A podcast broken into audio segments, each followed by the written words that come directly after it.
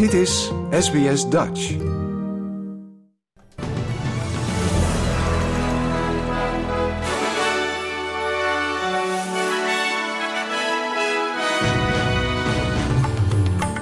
Dit zijn de headlines van het SBS Dutch Nieuwsbulletin van woensdag 9 november. Hackers publiceren gegevens Medibank-klanten. Zweden belooft Turkije veiligheidsafspraken na te komen. En VN-experts waarschuwt oliemaatschappijen die netto nul uitstoot beloven.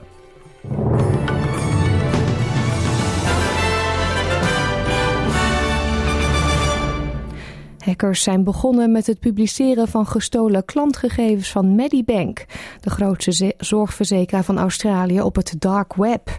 Honderden namen, adressen, geboortedata en Medicare-gegevens werden op een blog van de groep geplaatst.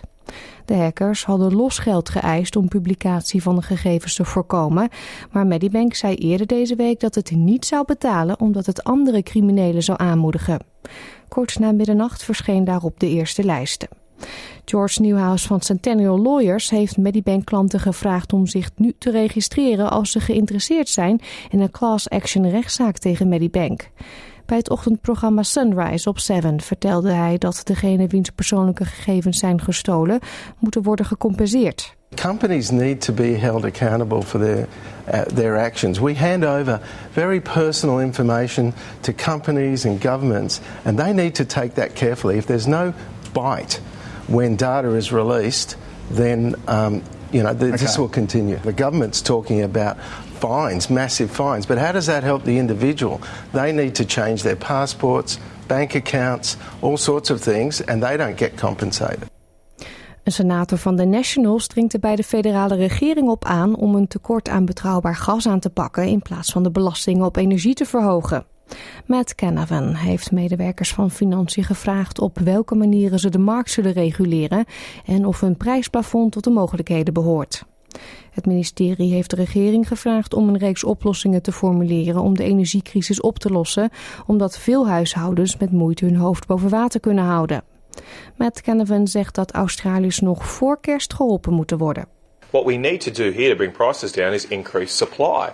But in the last two weeks, we've seen the government slash funding to develop new gas projects. Uh, we saw just this week the Minister for Environment call in 18 new coal and gas projects. The government is just not focused on the real problem here. Zweden zal zijn veiligheidstoezeggingen aan Turkije nakomen. Dat zei de Zweedse premier Ulf Kristersson na een ontmoeting met de Turkse president Erdogan.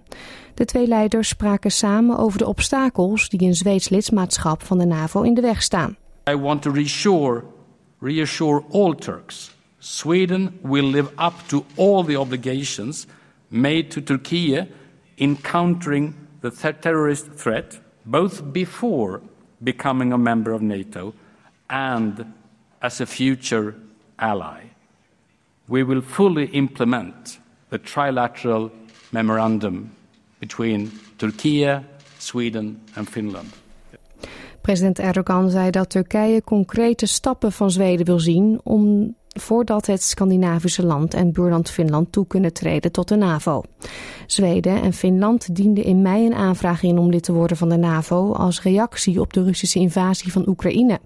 Maar NAVO-lid Turkije maakte bezwaar, onder andere omdat de twee landen volgens hen Koerdische strijders zouden steunen. De Amerikaanse ambassadeur bij de Verenigde Naties heeft Oekraïense boeren verzekerd dat het verlengen van een oorlogsovereenkomst, waardoor het gemakkelijker is om Oekraïns graan en andere grondstoffen via de Zwarte Zee te transporteren, een prioriteit is voor de VN. De huidige overeenkomst, die Rusland en Oekraïne afzonderlijk met de VN en Turkije hebben ondertekend, loopt af op 19 november. Een Russische diplomaat liet gisteren weten dat Moskou ontevreden is over de uitvoering ervan.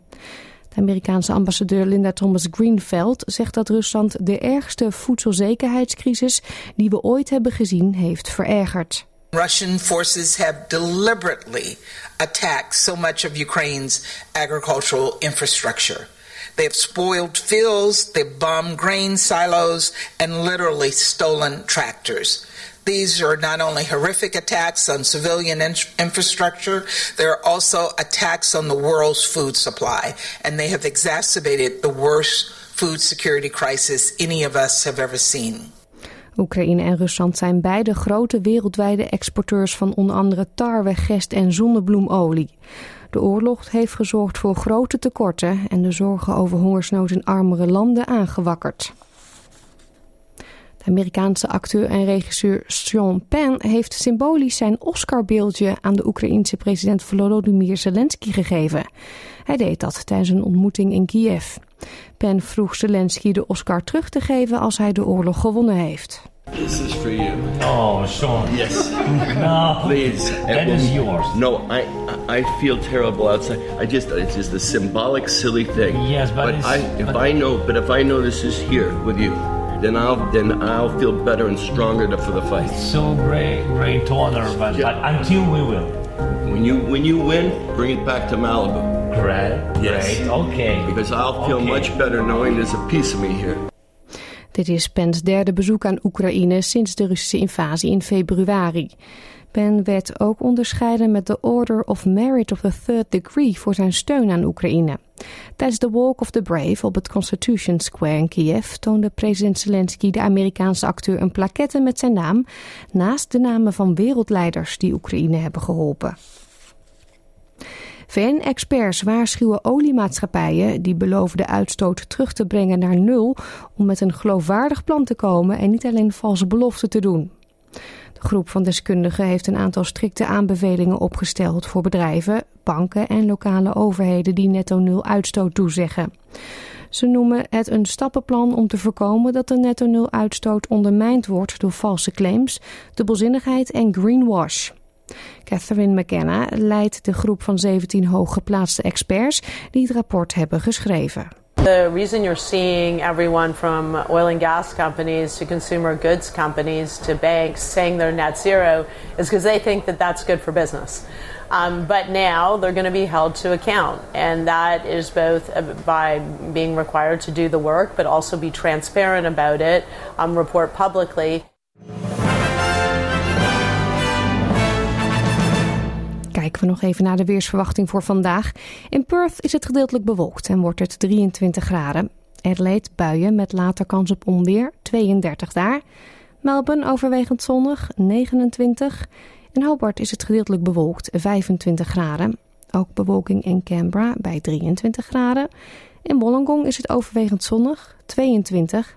Ook in Sydney veel, zon, veel zonneschijn, 24. Newcastle overwegend zonnig, 25. De zon laat zich ook zien in Brisbane, 26 graden daar. Cairns gedeeltelijk bewolkt, 31. En in Darwin een paar buien, mogelijk met onweer. En het wordt daar 33 graden. Dit was het SBS Dutch Nieuws.